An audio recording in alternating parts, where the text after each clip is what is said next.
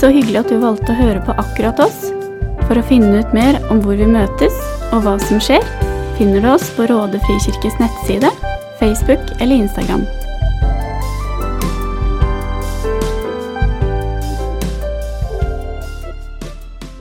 I dag så skal jeg snakke om bønn. Og um, jeg kan åpenbart ikke nå si og dekke alt det som det er å si om bønn, men, men, jeg kan i hvert fall komme til å si litt. Og Jeg skal ikke bare snakke om en spesiell eller, eller sånn bønn generelt, men, eh, men, jeg vil tale om den bønnen som er Herrens bønn, altså Fader vår. Nå vet jeg ikke hva, hva det går gjennom hodet ditt når jeg sier bønn. om om det er liksom en, du må uh, tenne opp uh, 27 stearinlys, og du sitter hjemme ved sengen din og folder dine hender og bøyer dine kne. og så liksom, uh, Den der romantiske stemningen, så går din bønner opp til himmelen. Eller, eller om det er skikkelig sånn krigerbønn du er vant med. så Jeg vet ikke hva, hva som går gjennom deg, men, men, Jesus han har gitt oss en bønn å be. Og um, Vi kaller den for Fader vår. Gjør vi det? Herrens bønn jeg, jeg, satt og leste litt opp på det. og Det viser seg at den, den, den norske bibelen som vi har i dag, egentlig tilbake helt til begynnelsen av 1900-tallet, så var det den danske versjonen vi brukte her i Norge. Jeg vet ikke hva som gikk galt, men eh, Men var det liksom eh, Men i hvert fall for den tiden, for i Danmark så kaller vi denne bønnen Fader vår. Og Det er det som vi har vokst opp med. Og Jesus han gir oss en bønn, og for noen av oss så kan det bli litt, sånn, kanskje litt fastlåst. at Vi har én bønn som allerede er skrevet ned, og så skal vi be den. Noen av oss noen der er kanskje vant med det å be sånne ferdiglagte bønner. og noen av oss andre er kanskje vant med det med å, å be lange bønner, som vi har masse vi skal si, og, og alle de her tingene. Men i hvert fall så har Jesus gitt oss en bønn som vi skal be. Å være med Herrens bønn det ikke bare er denne formel på hvordan vi skal be, men, men hva vi faktisk tror på det som det står at det er makt i denne bønnen. Så når vi ber til Gud, så, så hører han faktisk på det vi ber. Så er han faktisk ivrig etter å gi oss bønnesvar. Nå her, det her, bønn, denne preken jeg skal ha i dag, det er en, en todelt eh, preken. Jeg kommer til å ta noe her i dag, og så skal vi ta det siste på søndag. Så du kan jo ehm, Du som er gjest her i dag, du kan jo håpe at din pastor der hjemme han er i ånden og skikkelig har hørt det. Han skal dele andre del av Herrens bønn til neste søndag. Eller så kan du være lykkelig for at du ikke får høre andre del hvis du ikke likte det du hørte i dag. så kan du slippe med det. Men i hvert fall så en gang spurte disiplene Jesus om hvordan de skulle be. Da svarte Jesus med å lære dem en bønn som vi i dag kaller Fader vår. Vår Far i himmelen La navnet ditt helliges, la riket ditt komme, la viljen din skje på jorden slik som i himmelen. Gi oss i dag vårt daglige brød, og tilgi oss vår skyld, slik også vi tilgir vår skyld. Og la oss ikke komme i fristelse, men frels oss, for det er det onde, for riket er ditt, og makten er den i evighet. Og hele menigheten sier amen. Så jeg tenker at Vi skal prøve å få lov til å gå igjennom litt sånn linje for linje hva det er som står skrevet. Om det kan ha noen relevans for vårt liv i dag, vi som lever her i 2024. Men den begynner med vår far. Og Det er egentlig der jeg kommer til å stoppe allerede. Med denne første stetning. Og, og, det som vi kanskje kan forstå, det er at på det tidspunktet når, når Jesus han lever, så, så, så, var denne bønnen så var det det jødiske folk som han snakket til. Det var det jødiske folket som han, som han adresserte. Og Jødene og israelittene de hadde en veldig sånn ekskluderende syn på deres tro. At tro på Gud det var reservert kun for jøder. Så hvis ikke du var født jøde, ja, så hadde du ikke noe inn i denne tiden. Så kunne du være proselytt, du kunne liksom bli omvende deg og komme inn og være jøde. Men, men, hvis du skulle be til deres Gud, så var det sånn at da, da måtte du gjennom Da hadde du masse regler, masse ting. og masse, liksom, Du måtte gjennom for å få lov til å be til deres Gud. Men så kommer Jesus her på scenen, og så sier han sånn her skal vi be. La oss, la, la, la oss si vår Gud, vår far. Og plutselig så gjør han det som var ekskluderende, det som var eksklusivt, så plutselig blir det inkluderende. At vi alle sammen får lov til å be til denne Gud. At det ikke var bare for, for de eksklusive for jødene, for de som var perfekte, og de som sitter her på første rekkene. og Det var dem som kunne få lov til å be. Men alle var inkludert. Vår Far i himmelen. Og, Det er jo noe av det som var Jesus' sin oppgave. Det var med, med, når han kom her til jorden, så var det å gjenopprette det som var ødelagt. Å gjenoppreise det som var gått tapt helt tilbake fra, fra Adam og Eva, hvor vi skulle leve i samfunn med Gud, samfunn med hverandre. Så var hans oppgave det var å gjenopprette relasjonen, ikke bare med far i himmelen, men også med relasjonen mennesker imellom menneske til menneske og menneske til skaperverket. Så Jesus han kommer også for hele relasjonen imellom mennesker. Jeg tenk på det. Han kommer ikke bare for at vi skulle få lov til å få samfunn med Gud, men han hadde også relasjoner mennesker imellom som han ønsker det hele.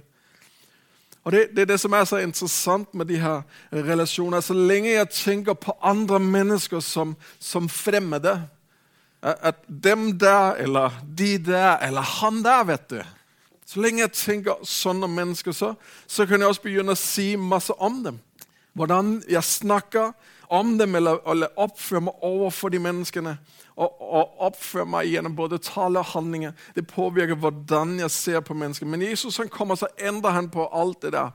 Og sier nei, nei, nei. Det er vår far. Vi er felles om det her. Det er vår Gud. Om vi deler den samme far, så er du plutselig min bror så er det plutselig min søster. Plutselig en helt annen relasjon. Jeg kan ikke bare behandle deg sånn som jeg ønsker, men vi er familie. Det er vår far. Og Det begynner å bli enda måten du tenker om andre på, og hvordan du også behandler dem. Va? Selv han som har såret deg, eller han som har sagt noe vondt om deg. Han sa sånn, han gjorde sånn. Gud han er fremdeles alles far. For selv de verste av de verste, de ondeste av de ondeste, dem som vi tenker minst om, så er han dems far også. Så kan man si ja, men er ikke det urettferdig? Jo, jo, det er blodig urettferdig. Det er kjempeurettferdig. Kjempeurettferdig. Men igjen så er nåden urettferdig. Har du tenkt på det? Guds nåde til oss den er urettferdig. Man, man kan nesten si det er en skandale. Jeg vil bli behandlet med en sånn nåde. Men det er, jo, det er jo helt ufortjent. Det er jo det som er Guds nåde til oss. Den er ufortjent. Ingen av oss her har noensinne gjort oss fortjent til Guds nåde. For den aksepteres som brutte og ødelagte, har gjort så selv, vi som har gjort så mange forskjellige ting. Så når Gud han presenterer at det er vår far, så skifter liksom hele scenen fra at, at masse mennesker var ekskludert, til at nå er de inkludert. Og, og, det er noe interessant. Jeg satt og leste litt på det ordet Jesus han bruker om far. Det er det ordet 'Abba'. Jeg har kanskje hørt det før. Abba, det betyr faktisk, Hvis man skal, hvis man skal oversette det til norsk, så betyr det pappa. Far det er noe som man kanskje er tittel, men, men, men pappa det er litt mer en annen relasjon. Spørs hva du kaller Noen her kaller jo deres pappa for en far. Sånn, men, men, eh, men, pappa det er en som vi har en relasjon til, en som vi er fortrolige med. En som jeg kjenner, en som jeg kjenner godt, men, men også en som kjenner meg godt. Og Det er det som Jesus liksom legger inn i den første. Det er en som kjenner deg, det er en som ønsker det beste for deg. Det er en som ønsker all Guds rike velsignelse så sier han 'i himmelen', altså vår far i himmelen. Det, ja, hvorfor sier han det? Jeg tror det handler om at han adresserer noen. Vi ber ikke til hvem som helst. Vi, ber til Han som har skapt alt. Det henviser til en som har kontroll. Når vi taler til vår far i himmelen, så er det Gud som vår bønn. Men det er ikke bare det. Det, det er mer enn det. Så, så, er det også at, at, det er en som holder verden oppe ved sitt ord. En som har alt under sin kontroll. Så jeg tror om vi kan forstå de her to ting, at Gud han er god sånn som en pappa, og han har kontroll, så kan vi komme til far og si, 'Pappa, jeg vet du er god. Jeg vet du er i kontroll i mitt liv og i det jeg går igjennom denne tiden.' La navnet ditt helliges. Hellig det er ikke sånn et ord vi bruker så mye her i det norske tale. Er det det? Er ikke så ofte jeg sier det, i hvert fall i dagligtale. Vi sier det mye i menigheten og i, i kirken. Det betyr i, i utgangspunktet noe som er satt til side. Eh, noe som er bedre enn alt annet. No, noe som har sin egen klasse. Før, før tiden så hadde man sånn at Hvis du skulle ha de beste varene inn Jeg er glad i, i kniver. Altså en god skarp kniv. det har vært mangelvare i mange år av mitt liv, for ungene bruker dem til hva som helst. Men hvis du skal kjøpe en god kniv, Jeg hadde ikke tenkt på det, Mens du kommer inn i butikken og skal kjøpe en god kniv, så, så kan du godt finne alt mulig greier liksom på båt der ute og liksom rundt på hyllene. og sånn. Men hvis du skal virkelig ha en av de gode knivene, så må du spørre personalet som har en nøkkel inn til et skap liksom hele inne bak. Og der liksom det har de sine, sine beste kniver, de dyreste knivene, dem som er hellige. Dem som er satt til side. De har sin egen klasse, de har sin egen liksom, sånn hylle å være på. I Danmark så sa vi sånn før tiden at det kommer fra øverste hylle. Da er du virkelig en av de beste av de beste. Og når, når, vi sier 'la ditt navn helliges', så proklamerer vi ut at når, når, vi forstår hans navn, Jesu navn, det er over alle andre navn som nevnes kan. Jesu navn, Guds navn, det er en annen klasse. Det betyr at uansett hva du møter, så finnes det et navn over det, og det er Jesu navn. Så kan du begynne å si ja, ja, ja, ja, ja men, ja, men, eh, men, men, men, men men Jens, jeg har jo opplevd sånn, jeg har jo opplevd det. Men Jesu navn, det er jo høyt. Men jeg talte om det her før. Det er hvordan vi bruker vårt 'men'. Jeg tenker på det, at Ordet 'men' det kan brukes på veldig mange forskjellige måter. Og Noen ganger når jeg har vært eh, ikke noen ganger når jeg har vært pappa, jeg er pappa, og jeg har sånne, noen barn hjemme, og noen ganger så kan de komme i en sånn konflikt eller en krangel. og et eller annet, og de begynner å diskutere. og, og, og og vi liksom prøver å få våre barn til enes og, og få dem til å ikke unnskyld til hverandre, så kommer det her ordet 'men pappa'. Han har jo gjort sånn, han har jo sagt sånn. Og i det øyeblikket liksom hele samtalen liksom har, har, begynt å gå den riktige veien, og så kommer det her 'men pappa'. Du vet, Jeg er så lei meg for alt jeg har gjort. Jeg vet at det er min skyld. Jeg ber virkelig om unnskyldning for det. Og jeg, jeg vet at du har rett, pappa. Jeg elsker virkelig min søster. Men og du kjenner liksom Skal vi liksom i gang igjen nå? Ja, Men vi må jo komme videre der. Du vet at, at, at, at jeg, det forandrer liksom alt. Sannheten det er at så ofte så, så kan vi si det også i vårt egne liv. Gud, han er god, men Ja, jeg skal tilgi dem som har såret meg, men Jeg vil elske min neste, men Kan jeg, kan jeg, kan jeg utfordre litt? Dropp det der men. I hvert fall hvis du skal bruke et men, så bruk det på en annen måte. Hvordan du bruker ditt men, det kan snu rundt på alt det du sier. Ja, jeg vet at mitt ekteskap det er vanskeligheter akkurat nå, men jeg vet at Gud, han er større. Jeg, jeg vet jeg har økonomiske problemer og utfordringer nå, men jeg vet at Gud, han er min forsørgelse inn i alt det her. Hør hvordan ord 'men' kan brukes på en annen måte.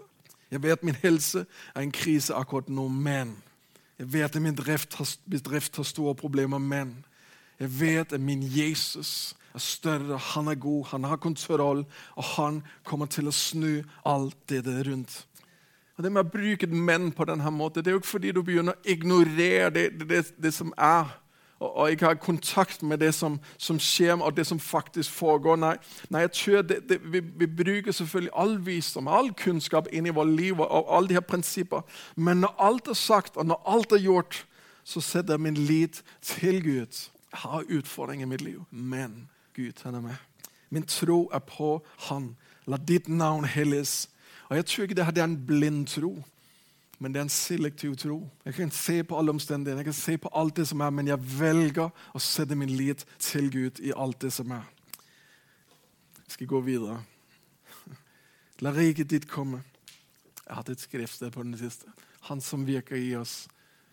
Med sin kraft han kan gjøre uendelig mye mer enn det vi ber om å forstå. Det er at min tro det er på Han. Han har makt, han har kraft til å snu enhver situasjon rundt. Og videre så står det sånn her La riket ditt komme. Og Det er jo en spesiell ting å si. La riket ditt komme. Jesus han, han begynner når han eh, liksom, kommer på jorden, så sier han for himmelens rike er nær. Men hva er egentlig Guds rike? Eller hvor er Guds rike? Men jeg tenker sånn her, der hvor Jesus han er konge, og der hvor, Jesus, der hvor hans rike er det, det, det, Der hvor Jesus er konge, det er der hvor hans rike det er. Guds rike er der hvor Jesus han er konge. Altså jeg kan si, men Jens, jeg har jo invitert Jesus inn i mitt hjerte, og, jeg er en del av hans kongerike. Spørsmålet er bare er han konge i ditt liv. Har du gjort han til konge? Har du gitt han førsteplassen? Har du gitt han alt at hans rike er i ditt liv? For et par dager siden så, så, så kom min sønn, en av dem. Og Så spurte han meg jeg, jeg lest, Han hadde lest noe rart i Bibelen, syntes han. Hva det står at man ikke skulle kalle Jesus for herre. Du tenker sikkert at mine barn de er veldig hellige sitter og leser Bibelen hver dag. nå og sånn. Det er helt sikkert sånn nå. Jeg tror det. Mine barn er som alle. Men i hvert fall så han har lest noe her i, i Matteus kapittel 7, hvor, hvor det står det med ikke alle som kaller meg Herre, Herre, vil få en del av himmelens rike. Han hadde fått det inn sånn her, når Vi skulle ikke kalle Jesus for Herre. At det, var, det var det som var essensen av det. Så begynte vi å ha en samtale rundt det her. ja, men Nei, men det er kanskje ikke det vi ikke skal kalle Jesus for Herre. Det er ikke det han egentlig mener, men, men, det, er, men det står sånn at det er ikke alle som kaller Jesus for Herre, Herre, som nødvendigvis mener det. Og denne setningen går inn i litt sånn hånd i hånd med den neste. La din vilje skje på jorden slik som i himmelen. For denne setningen sier at Jesus, jeg gjør deg til konge i mitt liv i dag. Du er konge. Mine følelser er ikke konge. Mine behov er ikke konge. Jeg er ikke kongen. Mine drømmer er ikke kongen. Min sjef Jeg vet ikke hvordan din sjef er, men han er ikke kongen i ditt liv heller. Håper du har en god sjef. Men når man sier det er ikke noen eller noe annet som er kongen i mitt liv Og hvilken fantastisk bønn egentlig å be. La riket ditt komme. Og Da Jesus han begynner sin tjeneste, så begynner han nettopp med de ordene. La, la himmelens rike, himmelens rike er kommet nær. Og jeg tror noen ganger som, som kristne så kan vi godt begynne å tenke på himmelen som noe som skal skje en eller annen vakker dag.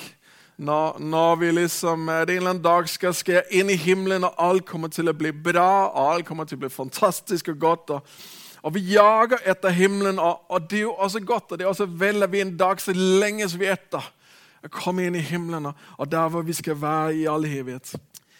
Vi jager etter himmelen, og det er godt og vel. Og en dag så vil, vil det bli det her skillet hvor vi enten skal få lov til å leve med Jesus i all evighet, eller gå fortapt i all evighet i helvete. Det kommer en dag hvor det blir et skille mellom de her to tingene. Men Jesus han sier at himmelriket det er nå. At det er kommet nær nå. Han sier at 'jeg har brakt himmelriket med meg'. Og det Gud han gjør, det er at han arbeider ut himmelen gjennom deg og meg. Mange vet om det, mange har tenkt på det. Jeg vet at Her i menigheten sitter det masse fantastiske mennesker som hver dag ønsker Guds rike nær og, og, og, og, formidle Guds rike. Men det er jo det der med at når du elsker dem som hater deg, så er det himmelen på jord. Når du tilgir de som har såret deg, så er det himmelen. Når du er generøs og hjelper de som er hjelpeløse, så er det himmelen her på jorden. Når du forsvarer andre som ikke, ikke greier liksom å gjøre det sjøl, så er det himmelen. Når du reiker ut og du elsker mennesker og du viser dem til Jesus, da er Guds rike kommet nær. Det er så enkelt som det. Kirke det er ikke ment til å være, eller kirke er ment til det skal være en forsmak på himmelen. Det er meningen at du skal kunne komme inn her, og så skal du kunne smake, og du skal få lov til å se at Herren er god. Kjenne at Herren er god. Og Det er mer enn eh, hva skal jeg si, rød blinkende lys og masse Vi greier liksom å stille opp her på scenen, og alt det der, men, men mennesker de skal kunne komme her og se inn av vinduene, og så skal de kjenne det. Og her er, er, er det godt å være. Og like det de ser. Det er ikke fordi vi spiller flott musikk eller går i det riktige tøy eller strekker hendene ut når vi synger, alt det der, men, men det er måten vår på at vi elsker hverandre at folk skal kunne se fordi vi er kristne. Det er himmelen her på jorden. La viljen din skje på jorden slik som i himmelen. La viljen din skje på jorden slik som i himmelen. Tenk å begynne hver dag med denne setningen. Jeg setter alt til side.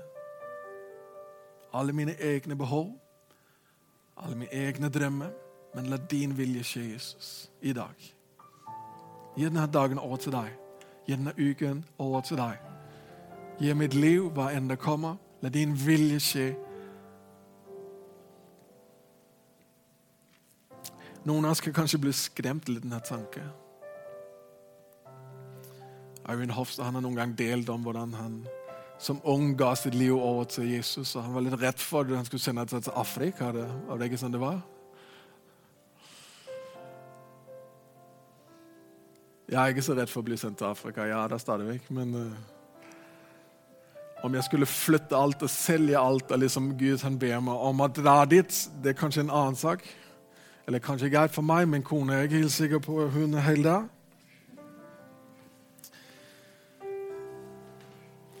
Men Gud han kaller deg ikke noe inn i noe. Han er, han er ikke sånn at Når han, når han, når han ber deg gi, gi, ditt liv til han, så er det ikke sånn at da, da mister du alt det. Da kan du frykte at ingenting blir, blir sånn som du skulle ønske deg tenkt. Jeg tror at Gud han har ikke noe problem med å gi deg det du vil ha. Så lenge det på en måte ikke går på kompromiss med det som du behøver i ditt liv. Vi, vi, kan kanskje begynne å tenke at vår, vår drømmer og, og våre ønsker det var noe vi selv fant på. Kanskje du tenkte det? Gud han ikke har noe som helst med det som er dine drømmer og dine ønsker for ditt liv og for, for morgendagen. og alle de tingene. Men, men det står sånn i Salme, Salme 37, så sier han det sånn her Ha din lyst og din glede i Herren, så gir han deg alt det ditt hjerte det ber om. Gud han skapte deg med din, dine lengsler, dine drømmer. Han ga deg de her drømmene i ditt liv. Nøkkelen er at du skal ha din glede i Herren og stole på Han. Og Så sier han altså søk først Guds rike, all hans rettferdighet. Så skal han gi deg alt det annet i tilgift. Så vi begynner hver dag med å be denne bønnen. Ditt rike komme, din vilje skje i mitt liv slik som i himmelen. Fantastisk bønn å si. Ligger dagen, ligger livet over Jesu hender. Takk for at du hørte på. Håper vi møtes her eller i Frikirken neste søndag. Ha en nydelig uke.